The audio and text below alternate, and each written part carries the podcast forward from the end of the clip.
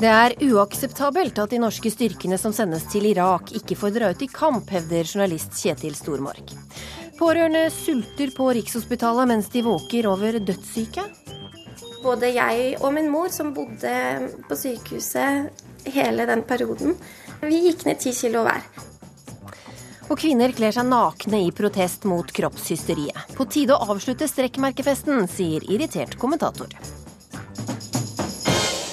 Dette er ukeslutt i NRK P1 og P2, hvor vi selvsagt også tar en titt på mannen som vi aldri får nok av. 120 norske soldater til Irak skal trene irakiske styrker i kampen mot IS. Familier, kvinner, barn har fått merke terrororganisasjonens grufulle handlinger.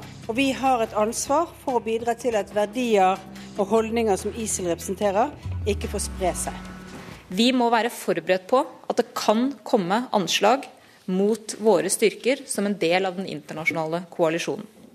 Det er også alltid en risiko for økt terrortrussel i Norge ved deltakelse i internasjonale operasjoner. Samtidig så vet vi at terrortrusselen eksisterer allerede, og det er også en trussel forbundet med å ikke gjøre noe. Torsdag sa altså regjeringa at de sender 120 soldater til Irak for å trene opp irakere som skal kjempe mot IS. Og Kjetil Stormark, du er eh, frilansjournalist og skriver i dag på bloggen din på Nettavisen at det er en uakseptabel begrensning at styrkene ikke kan dra ut i, i kamp. Hva mener du med det? Ja, hvis vi ser på hvordan norske spesialstyrker, altså Forsvarets spesialkommando, har gjennomført et tilsvarende mentoreringsoppdrag i Kabul, overfor eh, Crisis Response Unit, eh, en del av de afghanske sikkerhetsstyrkene. unnskyld, så har et hovedpoeng, nøkkel, et nøkkelvirkemiddel, vært at man må være med under gjennomføring av praktiske oppdrag. Det er som å lære vekk trafikkteori til noen som skal ta sertifikatet og så sender de ut i gatene uten kjørelærer ved siden av eh, i passasjersetet som kan bremse eller eh, gasse hvis det kommer farlige situasjoner. Det er viktig for eh, den jobben som skal gjøres, for at du skal lykkes med å veilede og bygge kapasitet, at du kan være med ut på praktisk gjennomføring i felten og kunne både observere og veilede. Og Dersom du ikke er med ut, så vil du heller ikke eh, over tid kunne ha autoritet og troverdighet i en mentorrolle overfor slike sikkerhetsstyrker. Eh, statssekretær ved statsministerens kontor Sigbjørn eh, Aanes. Hvorfor skal soldatene kun drive opplæring i, i leir og ikke få være med ut på oppdrag? Først og fremst så, så, tror jeg det er viktig at alle som har sett bildene av ISILs grusomheter, forstår viktigheten av at Norge også bidrar til å bekjempe ISIL og den terrororganisasjonen. Vi snakker altså om en terrororganisasjon som er så grusom i metoder at de er for drøy selv for Al Qaida. Eh, og Da er det viktig at vi gjør tre ting. Vi bruker både politiske virkemidler, vi har en stor humanitær innsats, og vi skal nå også bidra militært. Eh, Stormark gjør jo det spennende i sin kommentar i dag at han bomma både på der han kunne ha brukt åpne kilder, og der han påstår han har innsikt i Høyres indre liv, faktisk. Men og, det, det, det, skal vi straks tilbake på, men hvorfor får ikke disse soldatene lov til å, å være med styrkene ut, slik som har vært en suksessoppskrift i Afghanistan? Det er det jeg kommer tilbake til, for Han bomma jo allerede i overskriften på dette. Nettopp fordi at hele operasjonskonseptet Dette gjelder ikke norske styrker, dette gjelder også de amerikanske, tyske og andre land som stiller opp, eh, handler om å trene i leir. Eh, mens det er irakiske styrker som står i kampen mot ISIL. Så dette er jo ikke bare en kritikk av Norge, dette er jo en kritikk av amerikanske, tyske og alle eh, koalisjonslands operasjonskonsept i det vi nå skal gjøre i Irak. Og Dette kunne, kunne Stormark ha lest, seg til. Obama ja, har vært Stormark, hvorfor skal Norge holde på på bakken hvis ingen andre gjør det? Ja, Det er en sannhet med kraftige modifikasjoner, tror jeg. Det er en innenrikspolitisk eh, utfordring for USA spesielt at man ikke ønsker å bli sett på at man både har eh, eh, soldater på bakken. Men det har man jo i veldig stor grad allerede. Spesialstyrker er operative, driver ildstøtte for flyaksjoner både i Syria og til Irak, men, men i ulike grad av Man kan på en måte ikke være åpen på absolutt alt som foregår. Det som jeg legger til grunn, er hvordan de fagmilitære vurderingene er i spesialstykkemiljøet i Norge. Dette er ikke mine vurderinger, Ånes, men dette er vurderingen av hvor, hvilke rammer som man er nødt til å ha for å kunne ha forutsetninger for å lykkes med et oppdrag. Du skriver også at det har vært stilt spørsmål ved om Erna Solberg har hatt personlige motiver for å holde igjen med å sende soldater, fordi hun selv kan bli et terrormål. Hvor har du dette fra? Jeg har ikke uttalt meg om intensjonene hennes og hva som er, hun har tenkt. Eh, men eh, det som er hever over enhver tvil, er at i Høyre, og for så vidt i på en måte, regjeringsmiljøet, snakkes om Eh, og det er en bekymring rundt at eh, regjeringen utad er blitt oppfatta og har fått, fått en kuvending. Man sa først nei til å bistå militært eh, i kampen mot Den islamske stat, og ville bare satse på å hjelpe til humanitært. Det kan være at intensjonene var annerledes, men det lyktes man ikke å kommunisere. Og så har man da i, internt i regjeringen, og det har jeg gode kilder for, vært bekymra for konsekvensene det kan ha for Norge ved en mulig innsats i Irak bl.a. knytta til en økt terrorfare i Norge. Ja, Ånes, i, i, hvor stor grad har eh, terrorfaren vært et uh, tema internt i regjeringa? Jeg tenker at Når en frilansjournalist skriver at han har kilder med dyp innsikt i Høyres indre liv, altså han har ikke kilder engang, men han påstår han har kilder som har innsikt i, så skal man jo kanskje lytte godt. Eh, det er klart at det er viktig for en regjering å vurdere alle sider av det å stille opp militært. Terrortrusselen er her i dag. Vi har ingen garantier for at ikke den heller øker i fremtida. Men vi mener det beste vi kan gjøre, er å bekjempe ISIL sammen med andre land, sånn som vi nå skal gjøre bl.a. i Irak. Eh, så syns jeg kanskje det, det går over streken når man kaller eh, Solberg feig. Vi snakker om eh, den politikeren som fikk livvakta som kommunalminister nettopp for å traffe tøffe valg. Vi snakker om den politikeren i Norge hvor to mennesker er dømt for å ha fremsatt trusler mot. Eh, den politikeren er det altså stormakt mener feig pga. bekymring for egen sikkerhet. Jeg tror det faller på sin egen urimelighet. Jeg tror det er viktig at vi vurderer alle sider når vi skal sende norske soldater ut. Det har vi gjort. Vi mener at den beste måten å bekjempe terror på, er å bidra i koalisjon som nå står imot ISIL. Skal Storberg få svare. Dette går inn i et klima, eh, i en kontekst hvor eh, den sikkerhetspolitiske situasjonen er blitt veldig forverra de siste månedene. Eh, og hvor Norge nå, og den norske regjeringen, fortsatt tviholder på at det ikke er et trusselbilde i nordområdene knytta til Russlands militære atferd.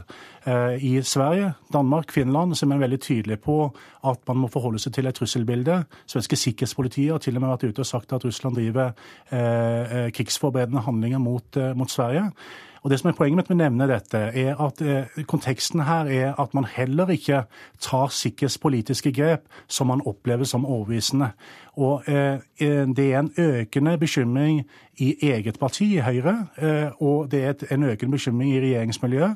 Men enda mer i eh, grunnfjellet av måte, støttespillere som lurer på når regjeringen kommer på banen og har en overbevisende tilnærming og opp, hva skal jeg si, virkelighetsforståelse av de utfordringene som Norge har når det gjelder å ivareta nasjonens sikkerhet, og i tillegg sikre innflytelse i forhold til Natos utvikling. Fordi, Det er jo derfor dette stykkebidraget er viktig. Fordi det sikrer oss en plass ved bordet i Nato i diskusjonene som har betydning for hvilken retning forsvarsalliansen går, og hvor konklusjonene er av helt vital betydning for kongeriket Norge. Ånes, gjør regjeringa dette for å komme inn i varmen hos USA-en etter å ha måttet stå på gangen under viktige møter? gjør dette fordi det er riktig å gjøre dette. Fordi at vi må bruke militære, humanitære og politiske virkemidler i kampen mot ISIL. Så, så kritiserer Stormark oss også nå for å ta for å, for å, ikke ta uh, Russland uh, seriøst. Altså, statsministeren har jo argumentert med viktigheten å ha norske jagerfly i nord, og forståelsen det er for det i Nato nettopp pga. grensa. Og så er det ikke bare sånn nå at Stormark har uh, kilder med dyp innsikt i Høyres indre liv nå tar han også på seg å kjenne grunnfjellet i Høyre veldig godt. Så, så det, er jo, det, er jo, veldig interessant for en forståelse han har fått for partiet. Vi snakker om utenriksministeren som ble oppringt av Kerry i sommer når det storma i Gaza, hvor den amerikanske utenriksministeren ba nettopp den norske om å komme til Gaza og bidra i eh, forhandlingene der. Vi snakker om eh, forsvarsministeren som har god tilgjengelighet eh, i Washington. Men dere måtte altså stå på gangen under Nato-toppmøtet, bl.a.? Det var, og det var helt naturlig. Der var det innkalt de, eh, de, landene som skulle bidra med frakt av våpen inn til, eh, inn til Irak. Det kunne ikke Norge gjøre, det er, og det kritiserer vel heller ikke Stormark i sin, i sin, kommentar. Fordi at vi har et lovverk som tilsier at vi ikke kan gjøre det. Eh, dermed var det, var det uaktuelt. Og Jeg har heller ikke opplevd at Stormark har kritisert at vi ikke gjorde det den gangen. Men, men han kritiserer at vi da som, eh, som, et av de landene som ikke bidro, skulle vært med på et møte hvor det var kun eh, med eh, land som skulle frakte våpen. Kort til slutt, altså, Jeg har ikke kritisert det, det, punktet. Jeg gjør en analyse fordi at jeg skriver en bok om beredskap og sikkerhetspolitikk for tiden, og jobber spesielt med disse temaene. At, og Det kan godt være at intensjonene til statsministeren og regjeringen er de aller beste, men dere er nødt til å ta inn over dere at de tilbakemeldingene, den opplevde virkeligheten av hvordan dere fremstår i egen leir og eh, overfor opinionen, at dere ikke greier å kommunisere en intensjon om å ta dette politikkområdet på alvor. Eh, et viktig skritt da hadde vært å da øke forsvarsbudsjettet eh, vesentlig for å da følge opp ja. intensjonene fra Nato-toppmøtet i Wales bl.a. Og det er en diskusjon vi får ta en, en annen gang. Tusen takk, Kjetil Stormark og Sigbjørn Aanes. Det var eh, The Lionheads med House of eh, Cards. Vi skal til Flommerammede flomrammede Odda litt eh, senere i sendinga, men eh, først så skal det handle om kropp her i Ukeslutt. Vanlige folk har vist frem kroppene sine med valker og skavanker i VG-serie Kroppen min. Så fulgte kjendisene etter i bladet Kamille. Blant annet så så vi deg, komiker Dora Toralsdottir, sittende naken i stiletthæler foroverlent på et toalett. Hvorfor gjorde du det? Noe så enkelt som at vi ser nesten aldri vanlige kropper. Vi ser bare én type kropp som vi blir fora med hele tiden. Og det er jeg så lei av. Så når jeg blir spurt om vil du stille opp og vise litt mer vanlig kropp, så sa jeg uten å blunke ja. Hva er galt med de retusjerte kroppene? Det som skjer er at når vi blir utsatt for den perfekte retusjerte kroppen, som har mye lengre bein enn det som er naturlig, og mer innsving og større pupper og den, Alt som er menneskelig er fjerna, på en måte, og så har man gjort det veldig sånn perfekt. Eh, det som skjer når du blir utsatt for å se det så mye, så blir det det du sammenligner deg med. Så når du ser deg i speilet, så taper du hele tiden. Og jeg, og veldig mange med meg, er veldig bekymra for den spesielt oppvoksende generasjonen jenter, som blir så fora med disse perfekte kroppene i ett kjør at de ser ikke vanlige kropper og føler seg feil hele tiden. Sigrid Witzsten, du er kulturjournalist i eh, Dagbladet, og du har fått nok av bilder av strekkmerker og, og valker. Hvilken effekt har disse hverdagskroppene på deg? Nei, altså jeg vil jo først si at jeg er jo helt enig med Dora i det hun sier om de retusjerte kroppene og det, det, altså det gale kroppsbildet som serveres oss uh, til enhver tid. Men det er jo egentlig mer det at jeg er veldig lei av å få kropp trøkket opp i ansiktet. Retusjerte kropper først og fremst. Og i det siste, og kanskje spesielt det siste året, så har det jo vært denne motreaksjonen med disse normalkroppene. Og, i utgangspunktet så er det jo det veldig fint. Men det har gått så innmari inflasjon i det, føler jeg. At det har, det blitt, så, det har blitt så, mange mennesker som har eh, stilt opp eh, for å vise fram eh, disse normale kroppene sine. Og da tenker jeg altså i Kamille og i VG hver helg, L hadde en sak i sommer der saker hele tiden viser for slik ser den ekte kvinnen ut uh, med alle sine strekkmerker uh, pøst på oss på, fra Facebook. Uh, og da tenker jeg at det er liksom legitimt å stille noen spørsmål rundt dette her også. ikke sant? Én, har det noe effekt i det hele tatt, eller blir det bare mer kropp? Og to, det er litt mistenkelig, synes jeg, at disse kroppene dukker veldig ofte opp når folk har noe å selge. Har du noe å selge, Dora? Nei, dette var helt nytt for meg. Hva tror du jeg skal selge?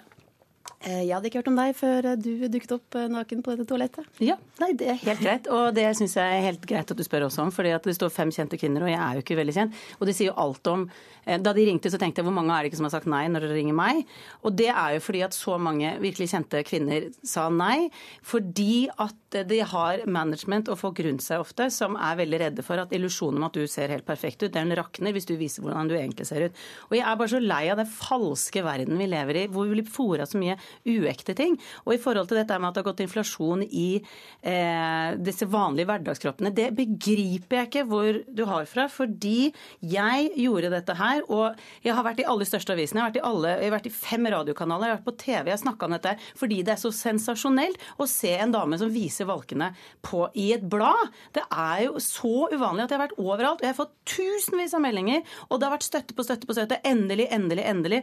Så det jeg opplever, er at folk er lei av kropp, ja, men det er de perfekte kroppene jeg er lei av. Og særlig du som kommer fra Dagbladet, hvor ikke en eneste sak omtrent kan bli nevnt uten at det skal være en sexy dame med. Hvis det handler om at du, sover du dårlig om natta, så ligger det en sexy dame der som er retusjert eller ikke, det vet jeg ikke, men det er i hvert fall dritsexy kropper som blir Er det snakk om kreft, så står hun dama alltid der og holder hånda rundt en pupp. Det brukes jo i alle Jeg er helt enig, det er altfor mye kropp, men vi ser bare én type kropp. Vi ser altfor lite vanlige kropper.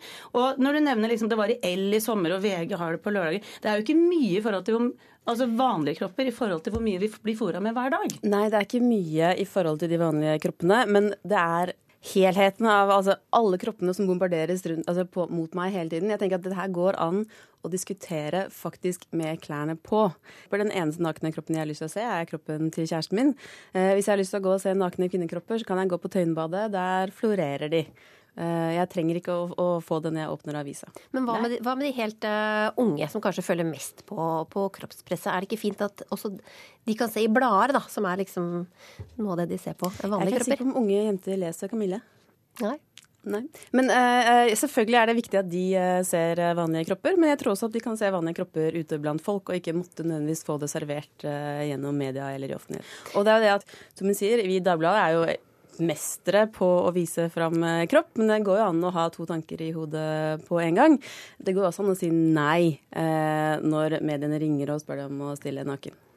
Men eh, Dora Torelsdotter, du har mm. også oppfordret alle til å droppe å shoppe kosmetikk og klær i dag, ja. i protest mot ja. eh, retusjering. Hvorfor tror du det vil eh, hjelpe? For det er de som bestiller de retusjerte damene i reklamen. Så hvis vi en dag ikke handler, så viser vi mange at nå er vi lei av den retusjerte kroppen. For det er kun gjennom det å bruke lommeboka jeg tror at de hører på oss hvis de er redde for å tape penger, eller eventuelt de ser muligheten av å tjene penger ved å ha en normal kropp, eller en som ikke er retusjert, og så kan du stå i annonsen 'denne damen er ikke retusjert', så vil det få mer lojale kunder, tror jeg.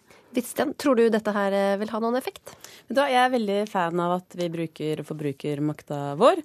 Eh, kunden har jo alltid rett. Eh, og jeg tror at den beste måten å vise det på, er å, å aksjonere eh, sånn som eh, Dora foreslår. Akkurat denne aksjonen tenker jeg kanskje kunne vært litt mer fokusert. Eh, det å, å, be kvinner om å ikke shoppe klær og kosmetikk en dag, litt sånn spredt utover hele landet. Kanskje ikke effekten kan måles så godt som at man kunne gjort det hvis man hadde hatt et en, et produkt eller et, en bedrift i fokus eh, og mobiliserte rundt det, jeg tror jeg hadde, effekten hadde blitt eh, mye større. Eh, men eh, den type aksjoner er helt strålende, syns jeg, for det er den eneste måten eh, vi som forbrukere kan eh, si fra på. Da sier jeg tusen takk til dere, så får vi se hvordan shoppedagen forløper. Mm, det er en start.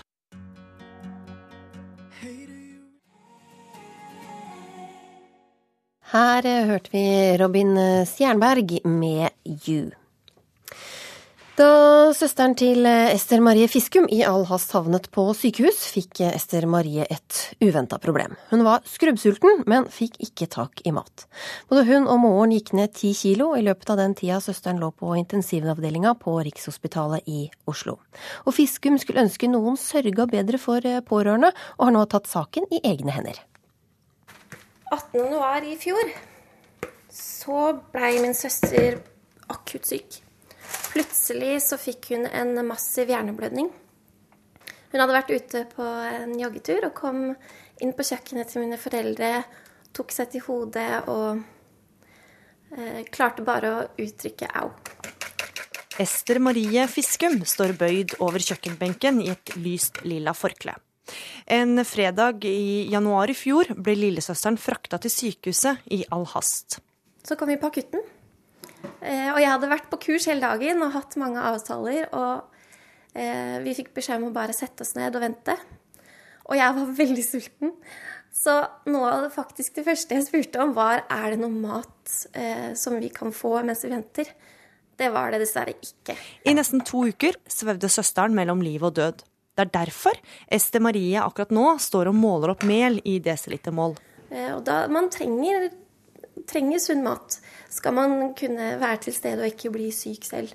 Eh, og både jeg og min mor, som bodde på sykehuset hele den perioden, eh, vi gikk ned ti kilo hver.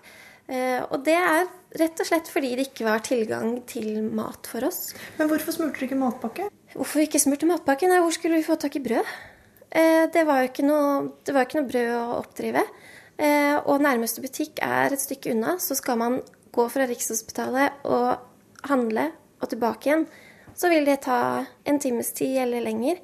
Og for oss som da satt med eh, en pasient som du ikke visste hva ville skje med i neste øyeblikk Hun kunne bli fort verre. Hun svevde mellom liv og død. Du visste, du visste ikke situasjonen. Så da var det ingen av oss som engang vurderte å forlate sykehuset. Det var helt uaktuelt.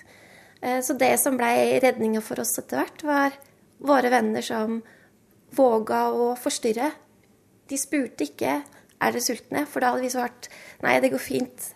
Men de kom opp på sykehuset, hadde med seg bakst til oss, som vi satte på pårørenderommet, og delte med de andre pårørende. Eh, og det var eh, Det gjorde våre venner flere ganger. Erfaringa med venner som kom med mat, ga idé til prosjektet hun kaller Ventemat på Riksen. Vi er på vei til sykehuset der Este Marie våka over søsteren. I et rødt nett har hun med seg ferske bakevarer.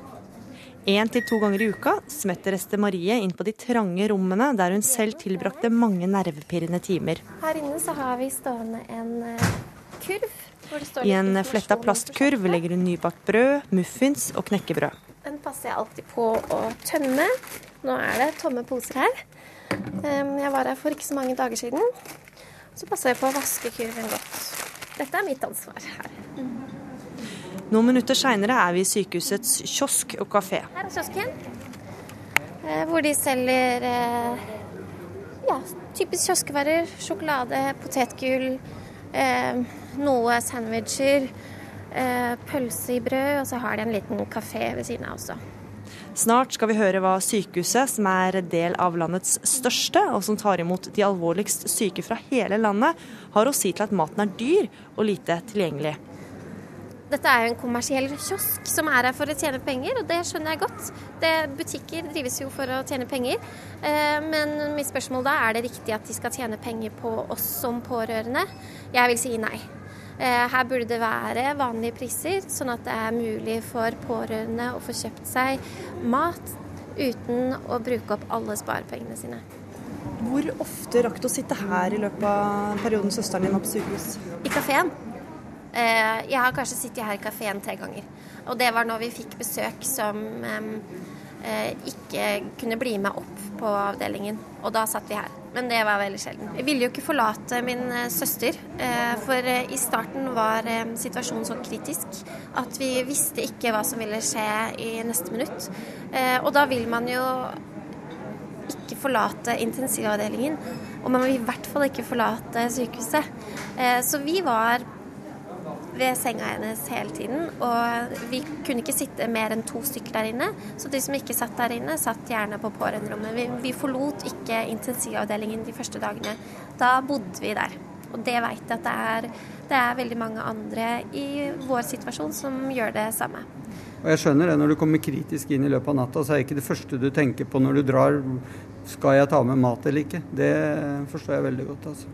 Vidar Arnesen er avdelingsleder for kjøkken og kantiner ved Oslo universitetssykehus. Når man bygger sykehus, så får man en ramme med penger, og så får man x antall kvadratmeter.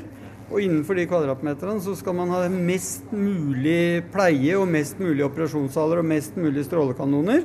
Og så havner da kantiner og kiosker og kafeer litt i bakleksa. Vi serverer 750 000 måltider samla, det jeg driver på med, i året. Og det er liksom pasientmat som har vært fokus hele tida. At det skal være næringsriktig og sunt og alle sånne ting. Søsteren til Este Marie lå i kunstig koma i tolv dager, men overlevde. Jeg får fortsatt litt dårlig samvittighet for å si at jeg var sulten og jeg var trøtt. Eh, for det føles som man eh, tar ressursene fra noen. Men det er kjempeessensielt for at man skal kunne klare dagen her. At man får noe i magen og får litt eh, hvile. Det er utrolig viktig for at de pårørende skal kunne klare å stå i en vanskelig situasjon. Det er utrolig viktig for at man skal klare å snakke for pasienten, som er så syk at man ikke klarer å snakke for seg selv. Det var reporter Gry Veiby som hadde møtt Ester Marie Fiskum, som står bak prosjektet Ventemat på Riksen. Du hører på Ukeslutt, som straks skal ha mer om dette. Det er eh, større risiko for å dø av peanøtter enn av ecstasy, sier forsker, som mener det er på høy tid at ecstasystoffet MDMA legaliseres. Og mannen er blitt en eh, suksess på nett-TV. Det kunne like så godt vært en elgbæsj de glodde på, sier urbanist Erling Fossen.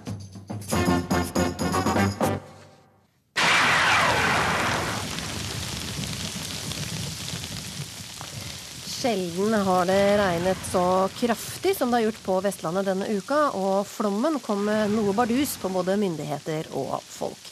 Flere hus har blitt revet med av de enorme vannmengdene.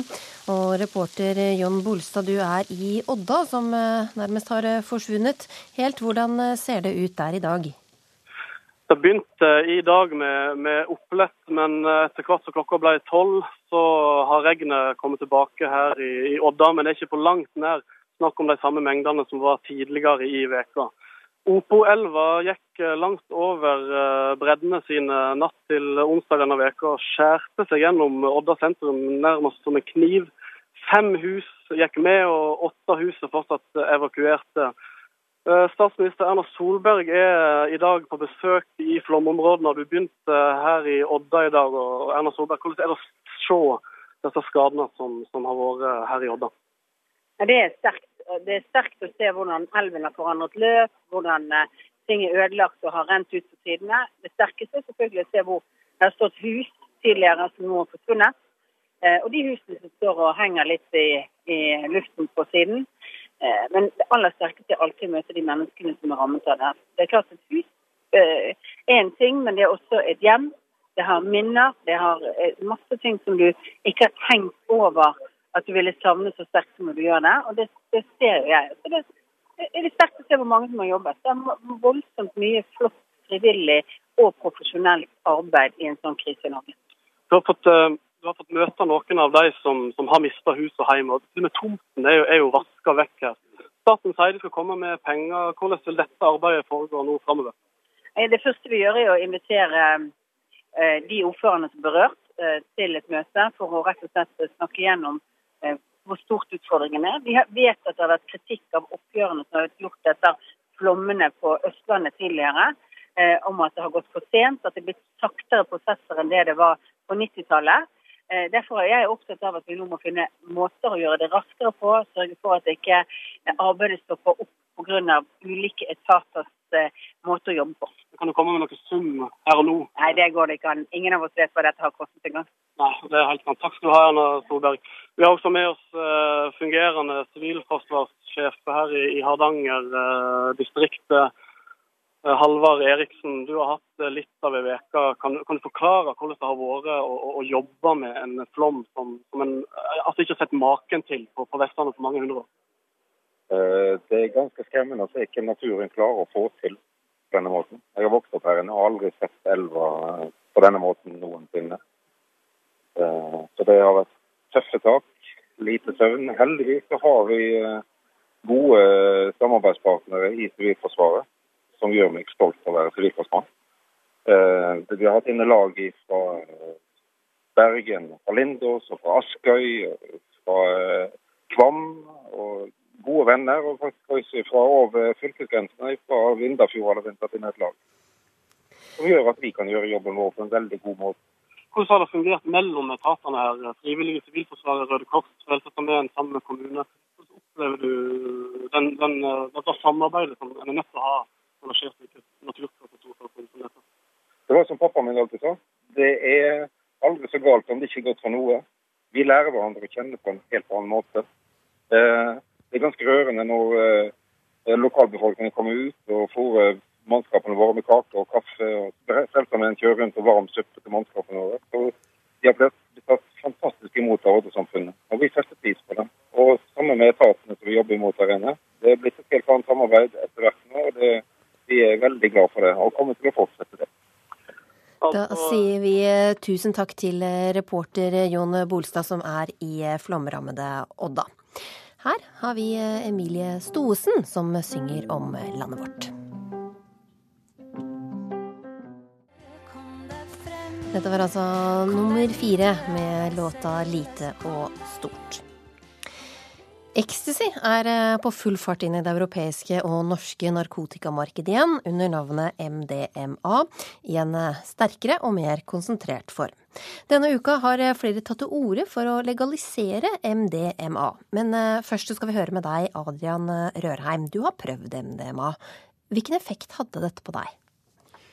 Altså den, eh, den, effekten som eh, er absolutt sterkest, eh, som jeg husker best, og som jeg også har hørt fra andre at er den som varer på en måte lengst med det, er en veldig sterk økt empati for andre. Men i tillegg en, en veldig en økt følelse for selvtillit og selvinnsikt. Jeg vil også si at det er en, en, en sterk følelse av at du, du får mer eh, Tja, hva skal man si En mer oppmerksom på hvilke valg man tar, og hvilken effekt det har på andre rundt seg, og på miljøet og ja. Mm. Og fysisk, da? Hvordan Fysisk eh, veldig eh, ja, euforisk, som det, som det, kalles. En eh, veldig, veldig god og koselig, varm, glødende følelse. Og Hvilke konsekvenser fikk det her for deg?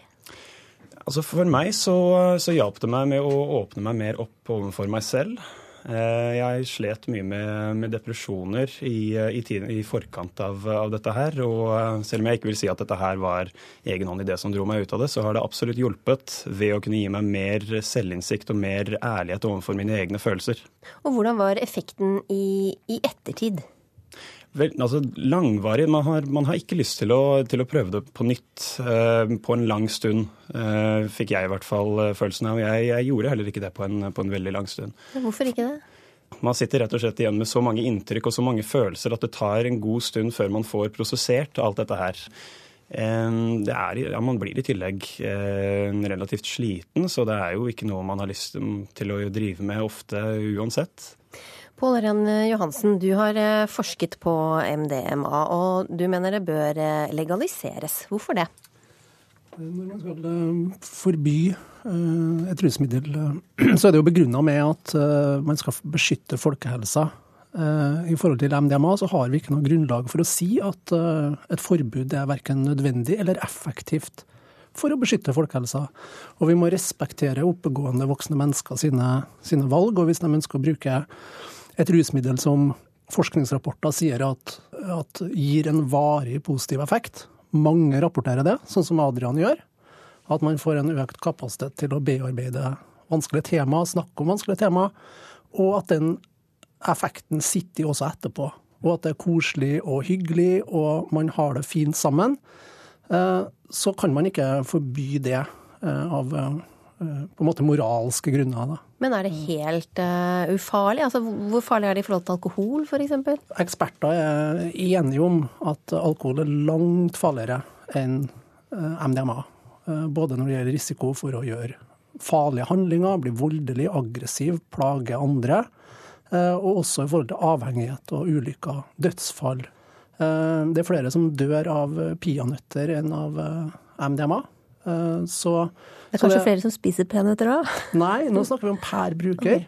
Ja. Så, så, hvis du har en person som sitter foran deg, en fremmed, som, og du har en skål med ecstasy den ene, eh, på den ene sida, og på den andre sida er det en skål med peanøtter. Hvis du da skal velge om den fremmede skal ta en, en ecstasy-tablett eller en peanøtt, og hvis du da skal fokusere på, at, eh, på helserisiko i forhold til dødsfall, så, vil det være, så, vil du velge, så bør du velge å, å, å si at han skal ta eh, og spise ecstasy i stedet. Det her var rapportert i New Scientist eh, for ikke så lenge siden. Jørgen Bramnes, du er professor i, i rusforskning på Seraf. Hva, det her høres jo ikke farlig ut. Hva, hva taler imot å legalisere det? Eh, for det første er vi jo bundet opp av internasjonale avtaler hvor eh, vi har ønsket eh, gjennom disse avtalene å, tilslutte oss de, og denne type midler er forbudt gjennom det. Så vi står ikke helt alene og kan avgjøre dette helt alene. Men jeg syns jo ellers at denne debatten til nå har vært ganske si, nyansert. Det er farer ved bruk av disse rusmidlene. Men vi har kommet ned på en beskrivelse av disse farene som er mye mer nyansert. Og jeg er enig med Pål Jørgen Johansen at faren ved bruk av ecstasy antagelig er eh, mindre enn det vi ser ved bruk av alkohol. Delvis skyldes jo dette at det er langt mer utbredt med alkohol, men også dose for dose er det slik. Men så er det da bare internasjonale avtaler som holder oss fra å, å legalisere det her, eller? Nei, delvis er det jo også folkeopinionen. Det er jo veldig mange som er veldig skeptisk til å, å, å legalisere dette. Og det er jo ikke noe særlig mange politikere som går ut og snakker en veldig aktiv liberalisering og legaliseringsdebatt. Og det gjør de jo ikke fordi det er ikke noe stor politisk gevinst å hente på, på det å ha et legaliseringsstandpunkt eh, innenfor for noen uh, rusmidler. Uh, illustrert ved hva justisministeren kom og sa om cannabis for noen uker siden. Men hvor, Hva er den største risikoen da, ved å ta MDMA? Nei, altså Når du tar MDMA, så er en av Og det er også riktig påpekt av de som er snakket før her, at en av de største risikoene er ikke at du alltid vet hva du får. og Det er for så vidt noe som taler for en regulering. og Det vi har sett f.eks. fra Nederland, at en del folk har gjort drevet med såkalt harm reduction-arbeidet og gått inn og prøvd å kvalitetssikre ulike ting for å være sikker på at man skal vite hva man får. Eh, så Det er jo da en, en ting som er faren med Man vet ikke hva man får. og Vi har sett folk som har dødd av veldig lignende stoffer i Norge. Men det vil jo da være en ting som vil bli annerledes den gang man legaliserer. Men også ved bruk av eh, MDMA så er det farer som at man kan få hypertermi, altså overopphetning. Det fins en forgiftningsfare, selv om den ikke er på langt nær så stor som for en del andre rusmidler. Og det er en del sånne akutte eh, virkninger på sentralnervesystemet, men som man kan forebygge. F.eks. For kan man få kjevesperre, og da må man beskytte tennene sine og sånne ting. Mm. Johansen, det er, det er, funnet flere høye, si, høydosepiller da, med MDMA er blitt eh, beslaglagt. Det er vanskelig å vite hva det er man eh, egentlig får. Er ikke det det er jo en forbudskonsekvens, og det er jo forutsigbart. Eh, altså når vi har et eh, overlate produksjon og omsetning av eh, MDMA til kriminelle, så får vi ikke noe mulighet til å iverksette skadereduserende tiltak som vi vet virker. Og det er jo en ting i forhold til akkurat det med at vi er bundet opp av internasjonale avtaler, som på en måte synes å være det eneste argumentet som Bramnes kommer med, og i tillegg at folkeopinionen ikke er godt informert. Så det er jo her forskere har et ansvar eh, å formidle at et forbud har veldig negative konsekvenser, og ikke har det grunnlaget da, som folk uh, kjenner til. Og det er ingenting i veien for at vi kan avkriminalisere MDMA i morgen. Uh, Verdens helseorganisasjon anbefaler faktisk det. Og det gjør også den tidligere generalsekretæren i FN, altså Kofi Annan. Han sier også at spesifikt, for han sitter jo i The Global Commission on Drugs, at MDMA spesifikt bør reguleres. Bremnes? Ja, For det første så er vi kanskje litt uenige i hvilken rolle WHO inntar i dette. På den annen side så kan man si at det er ikke noe veldig veldig stor sak eh, og veldig viktig sak å få avkriminalisert MDMA. Jeg vil være en av de som kanskje er skeptisk til eh, de mange påståtte positive konsekvensene ved bruk av MDMA. Kanskje først og fremst fordi det ikke er veldig veldig mye god forskning som tyder på at det skulle ha store positive terapeutiske effekter. Mm. Men hva med, med, ungdom, da, som ofte er de som tar dette her på, på fest? Vil du advare dem mot å ta det? Eh, generelt vil jeg advare ungdom mot å ta ting på fest som de ikke vet hva er. Og i dag vil jeg da absolutt advare dem mot å ta inn noe som de tror er MDMA, for det kan de ikke vite om det er. Adrian eh, Rørheim, hva tenker du, burde dette legaliseres? Jeg kommer fra et, et, hjem med mye kjærlighet og mye følelser. Så jeg har i utgangspunktet hatt et veldig si, godt utgangspunkt for å utvikle meg følelsesmessig. Men jeg tenker for de som da ikke har dette utgangspunktet, for de som er mer inneslutta og de som har større emosjonelle problemer, hvilken enorm lettelse denne opplevelsen kan være for de. Og jeg syns, jeg syns det blir regelrett feil og uetisk å nekte disse personene en, en så god behandling som jeg da mener at dette her kan være. Jeg tviler ikke på at eh, Adrian eh, har de eh, full dekning for de egenopplevelsene han har, men vi må ikke falle i den grøften at vi tenker at dette rusmiddelet skal vi underlegge andre kvalitetsstandarder enn hvilken som helst annen medisin. Og undersøkelsene på de terapeutiske effektene av MDMA er ikke gode nok per i dag til å kunne anbefale dette som et terapeutikum. Da sier jeg tusen takk for at dere kom til ukeslutt, Pål Ørjan Johansen, Adrian Rørheim og Jørgen Brandnes. Det var kanskje ikke så vanskelig å høre at dette var Michael Jackson med 'The Girl Is Mine'. Er eh, nordmenn villige til å se maling tørke? Det kan eh, virke sånn dersom en går ut fra seertallene på nrk.nos direktesending fra mannen som har fått en halv million klikk.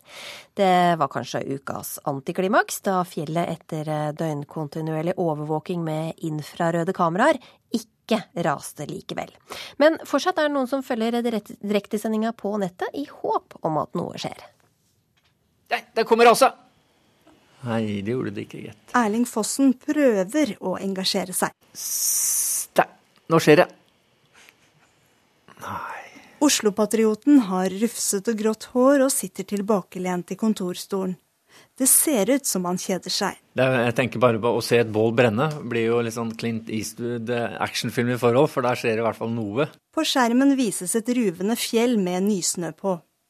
Stille som et foto helt til en bil suser forbi og avslører at kameraet går. NRK.nos direktesending fra foten av fjellet Mannen har fått en halv million klikk så langt denne uka. At det får oppmerksomhet er jo det fordi man vet at det er så mange andre som gjør det.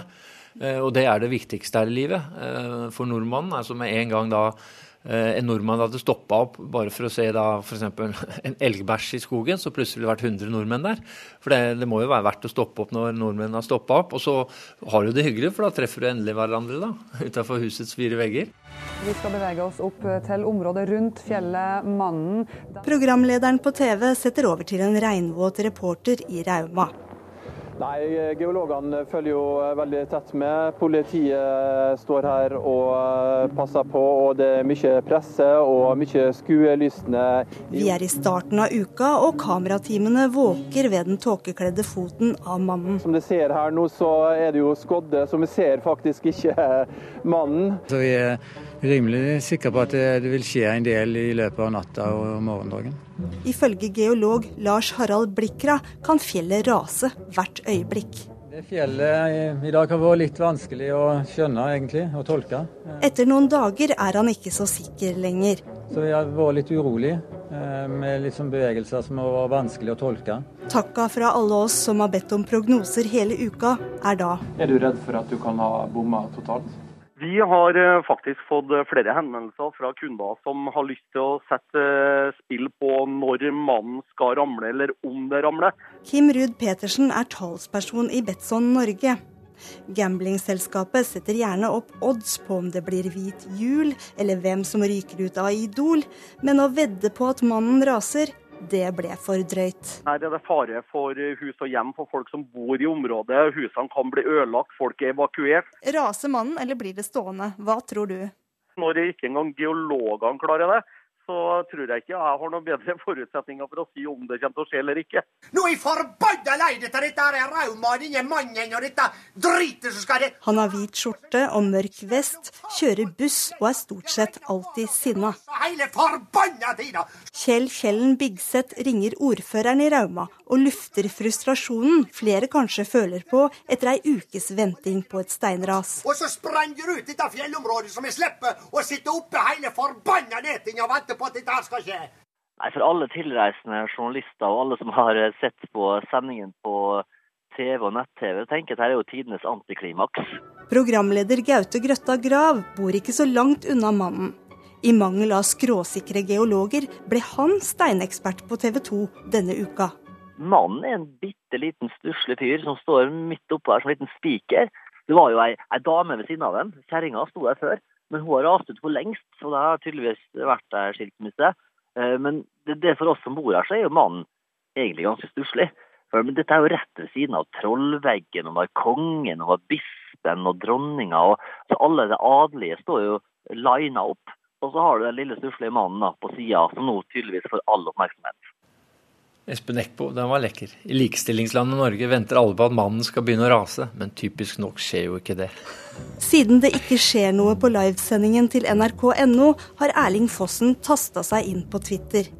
Der kryr det av kjønnsfikserte meldinger om mannen. Håper mannen kommer snart. Dette har vært et langt forspill. Det er interessant at damene sier det, at forspillet kan bli for langt. Det trodde jeg ikke. Jeg har jo sett flere har sagt at den skulle ha rast på tirsdag.